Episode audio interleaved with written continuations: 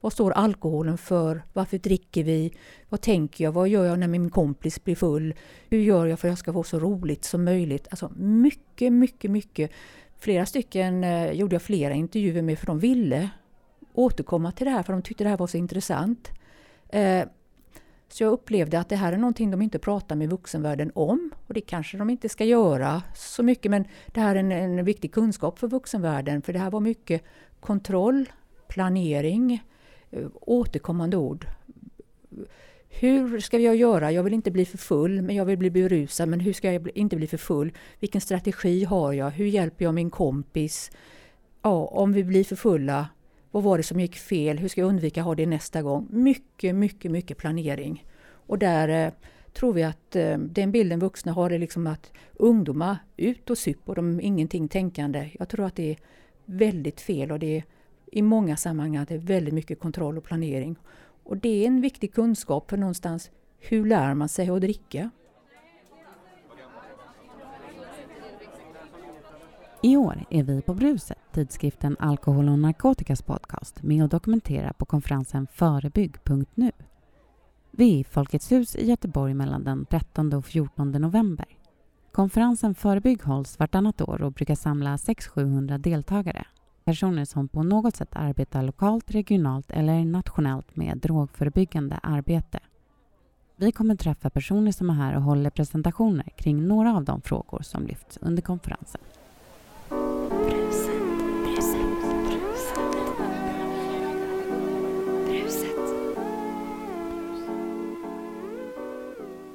Då säger jag välkommen till Brusets rum på Förebygg Birgitta Ander, eller numera doktor Ander, en av Lordias tidigare doktorander, som du presenterade dig på ditt seminarium för en liten stund sedan. Tack så mycket för att jag får komma hit. Jo, jag försökte vara rolig. Jag är inte så lätt för att vara rolig, men jag... Jag tycker du var rolig. Tack. Så rolig att jag, att jag tjuvade skämtet. Jag tyckte det var jätteroligt. Ehm, du jobbar på Högskolan i Jönköping och är en av alla inblandade i studien Lordia. Vad är, vad är det för en studie? Lordia, det är ju något fantastiskt. Det är ett forskningsprogram. De har följt ungdomar från, de gick i sexan, sjuan och nu går de, har egentligen lämnat gymnasiet. Så det är en så kallad longitudinell studie, alltså vi har följt samma grupp av ungdomar. Ungefär strax under 2000 ungdomar eh, från fyra kommuner och ställt massor med frågor till dem. Eh, vi har också kunnat få information på annat sätt. Vi har haft föräldrar eh, från föräldrar, vi har haft från skolan och register och sådär. Så vi har massor med information, spännande saker. Missbruk, som egentligen är mitt område med psykisk hälsa, ohälsa, fritid, kompisar, framtid. Massor med spännande områden. Det är så häftigt. Du intresserar dig i din forskning särskilt för betydelsen av tidig berusningsdebut och platsens betydelse. Din avhandling har titeln Ungdomars berusningsdrickande, vem, var och med vilka. Så om vi börjar där, vilka ungdomar är det som berusningsdricker var och med vilka? Ja, det väl, skulle varit jättebra om jag kunde säga exakt vilka det var, men vad vi kan se är ju att det finns en del faktorer som är extra betydelsefulla. Och då kan det vara ibland att man har haft eh, ett, en del småkriminalitet, att man har haft lite utåtagerande, struligt. Det är det vi kan se de som har eh, till exempel prövat berusningsdricka eller använda droger, att det ser vi att det finns eh, en, en, en större mängd som har den bakgrunden.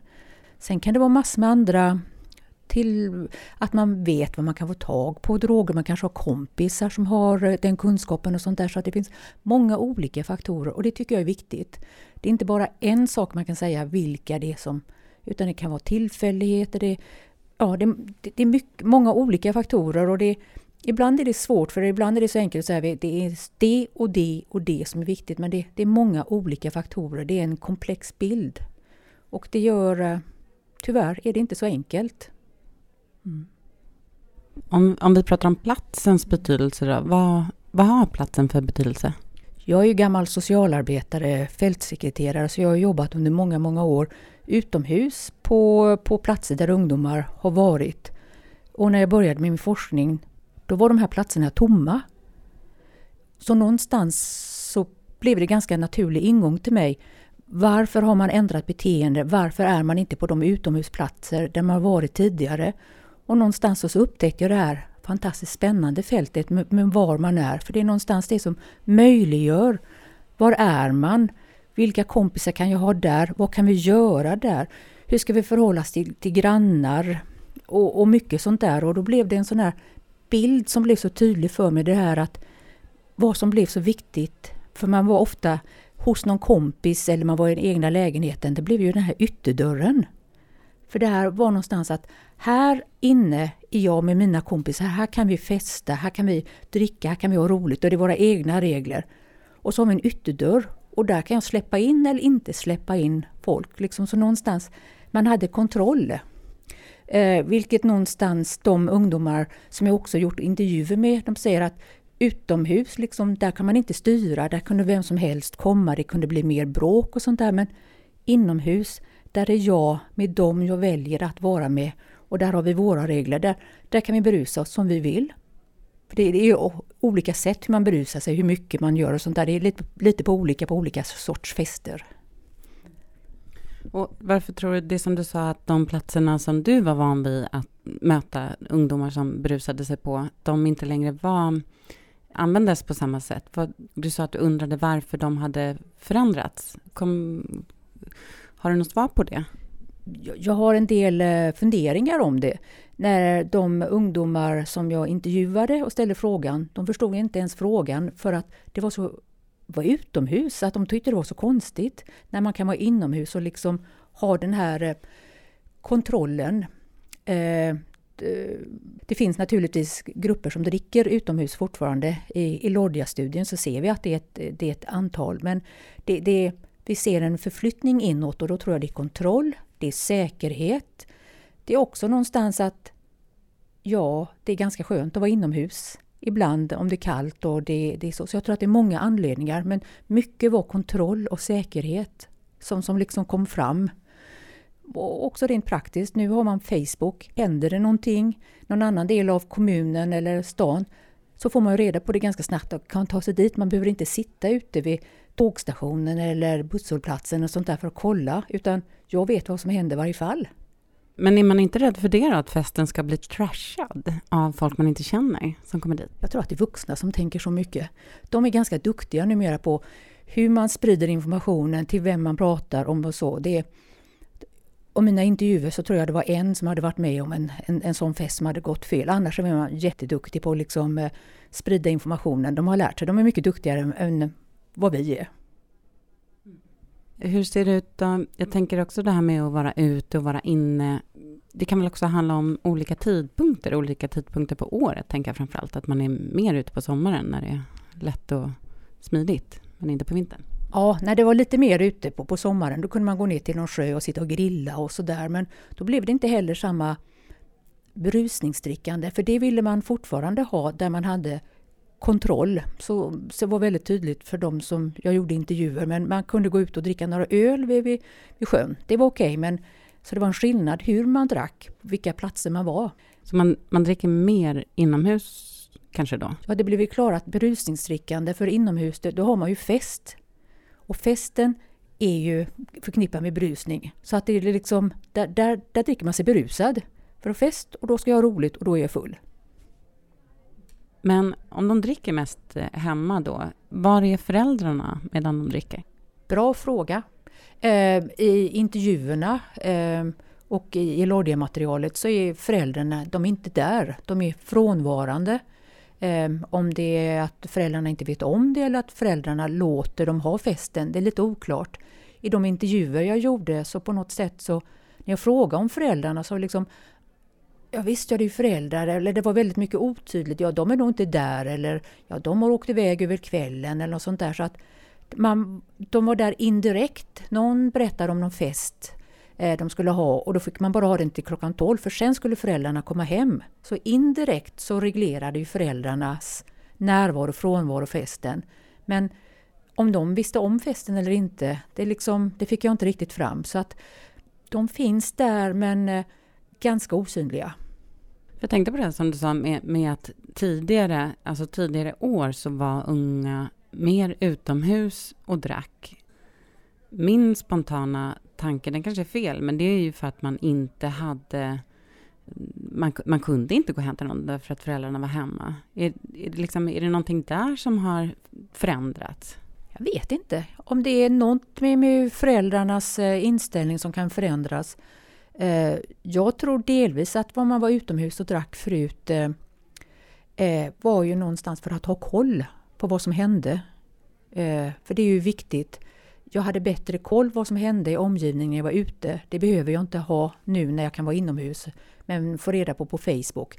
Så jag tror att vi kan inte bara hitta en anledning utan det finns flera olika anledningar till varför man har gått in. Men eh, eh, en, en viss förändring, det tycker jag är klart vi, vi ser. Och eh, det var väl också viktigt tycker jag som vi kan se i Lordi att man dricker inte mindre för man är hemma. Utan man kan berusningsdricker i stort sett lika mycket som när man berusningsdricker utomhus. Det har också varit en bild, jag menar bara de är hem, i hemmet så är det liksom lite, lite mindre farligt och det stämmer egentligen inte. Nej, för du var lite inne på att det kunde vara tvärtom också. Att det, att det kan vara så att man dricker mer hemma. Ja, eller egentligen att man dricker lite mera och föräldrarna har kunskap om det. Föräldrarna tror att det är bättre att de är hemma, för då är det inte så farligt. Så någonstans är det kanske naiva föräldrar här. Du intresserar dig också mycket för betydelsen av, av tidig berusningsdebut. Vad har en tidig berusningsdebut för betydelse? En del säger ju att det är en stor riskfaktor för fortsatt, att man har en, eh, har en eh, större mm, möjlighet, heter det inte, utan en större chans att eh, få fortsatt problematiskt drickande när man är till exempel i sena tonåren. För mig kan man ju se att det är ett tydligt sätt att krossa normer, att man gör någonting som inte de flesta andra har gjort. Eh, det är en liten minoritet som testar droger, innan, droger och alkohol innan de är 13-14 år. Så där är ju väldigt spännande vad, vad, vi vet om dem. Och där, där var ju det här med eh, utåtagerande beteende, småkriminalitet, var otroligt tydligt att det var en av de viktigaste faktorerna bak, bakom det. Och sen skulle det vara roligt att följa dem i den här studien. Hur utvecklade det sig sen? Och det har jag inte gjort än men det skulle vara jättespännande de som är tidigt debuterad, vad kan vi se när de går i 8, 9 och på gymnasiet? Så det kanske jag får komma tillbaka till någon gång. För jag tror inte riktigt vi har det svaret än. Vi vet inte riktigt vad det leder till. Eh, så att det, eh, det finns mycket ytterligare att få svar på här tycker jag. Mm. Det, det, släpptes ju en, en eh, rapport igår från, eh, från oss på CN faktiskt ja. som, som visade att många både berusningsdebut och tobaksdebut och så har skjutits liksom uppåt i åldrarna, så det har senare lagts. Vad tror du att det kan ha för... Har du några tankar om vad det skulle kunna ha för betydelse? Nej, men så, så det, det, är den bilden jag har också, så jag tror absolut det stämmer. Eh, det, för de grupperna där man dricker, då är det ju helt naturligt. Men för de allra flesta så tycker man att man inte är intresserad i de här åldrarna att, att dricka. Men för de ungarna som jag intervjuade så var det helt naturliga. Eh, så att eh, för de flesta så, nej, de eh, har annat att göra. Och då, då kanske också de som, som väljer att dricka, de blir liksom än mer normbrytande i och med att det, om det är en mindre och mindre andel som provar att dricka innan 13 eller 14 års ålder. Jag tror inte de själva ser det som så, för att jag dricker tillsammans med mina kompisar och vi är ju inte normbrytande, för vi är ju, så här gör man ju. Utan det är nog kanske hur andra ser det, men de ser sig inte ett dugg så, utan det här är normalt det här är vad vi gör och vi dricker ju inte mer än någon annan. Det var väldigt mycket så som kom utan de såg det som ett fullt eh, naturligt accepterat beteende. Får jag fråga också, du pratade tidigare, eller du pratade på eh, under seminariet när vi var och lyssnade, så berättade du lite om, om, om vi pratar om ålders... Eh, är det åldersöverskridande umgänge att dricka ihop eller är det inte det? De grupperna, åldersgrupperna som jag har tittat på, då är det inte eh, väldigt mycket att det är, om man är 15-16, då är det med 15-16-åringar. Det fanns vissa undantag om ibland att det var bra om någon hade körkort. Då kunde någon 18-åring få vara med om de var nyktra och körde bil. Eh, och om någon hade en pojkvän eller flickvän som var eh, lite äldre men annars var det eh, när man är 16 så tyckte de 18-åringar var gamlingar. De var tråkiga. Det var väldigt tydligt att det var liksom, vi vill inte umgås med, med dem, de, de är inget roliga. Det, så 18-19 då var man helt passé. Du har ju också i din forskning gjort mycket utanför Lordia med intervjuer. Har du gjort gruppintervjuer eller enskilda intervjuer? Hur har det gått till?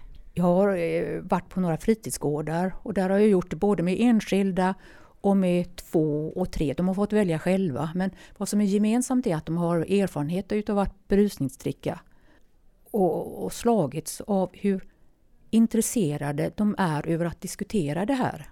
Att liksom, vad står alkoholen för? Varför dricker vi? Vad tänker jag? Vad gör jag när min kompis blir full?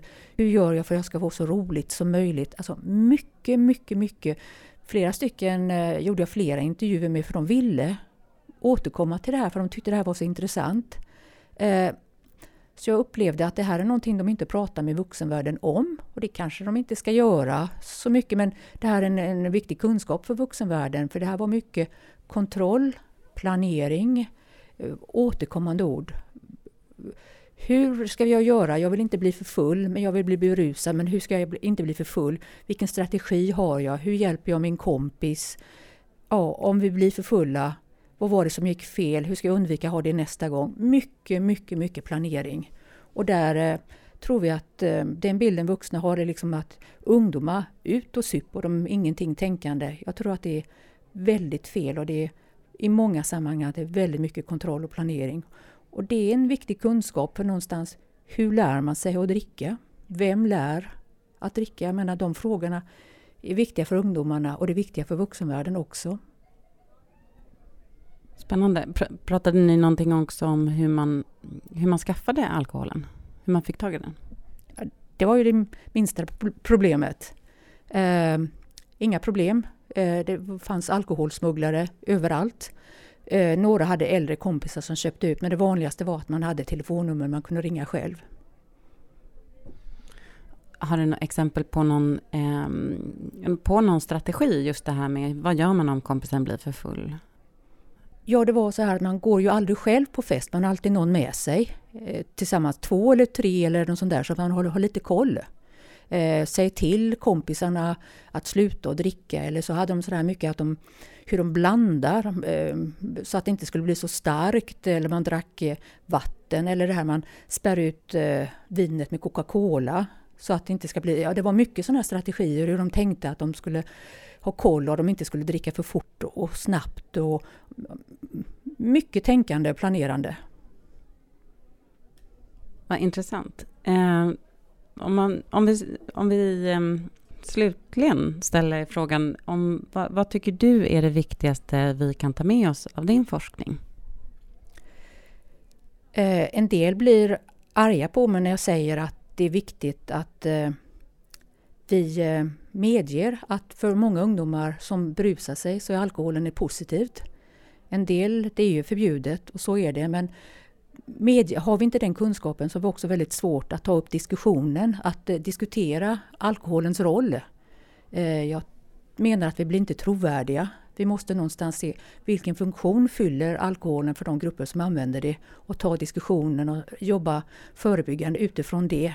Annars är jag pessimistisk hur vi kunna eh, nå de här ungdomarna. Stort tack för att du kom Birgitta Anderg. Tack!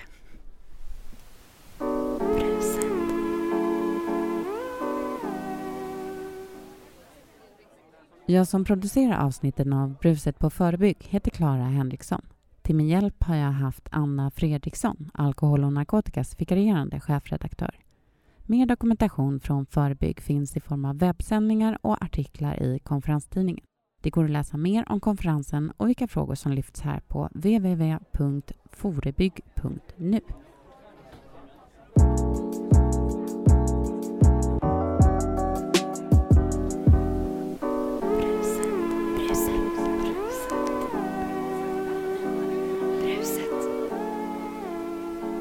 Bruset.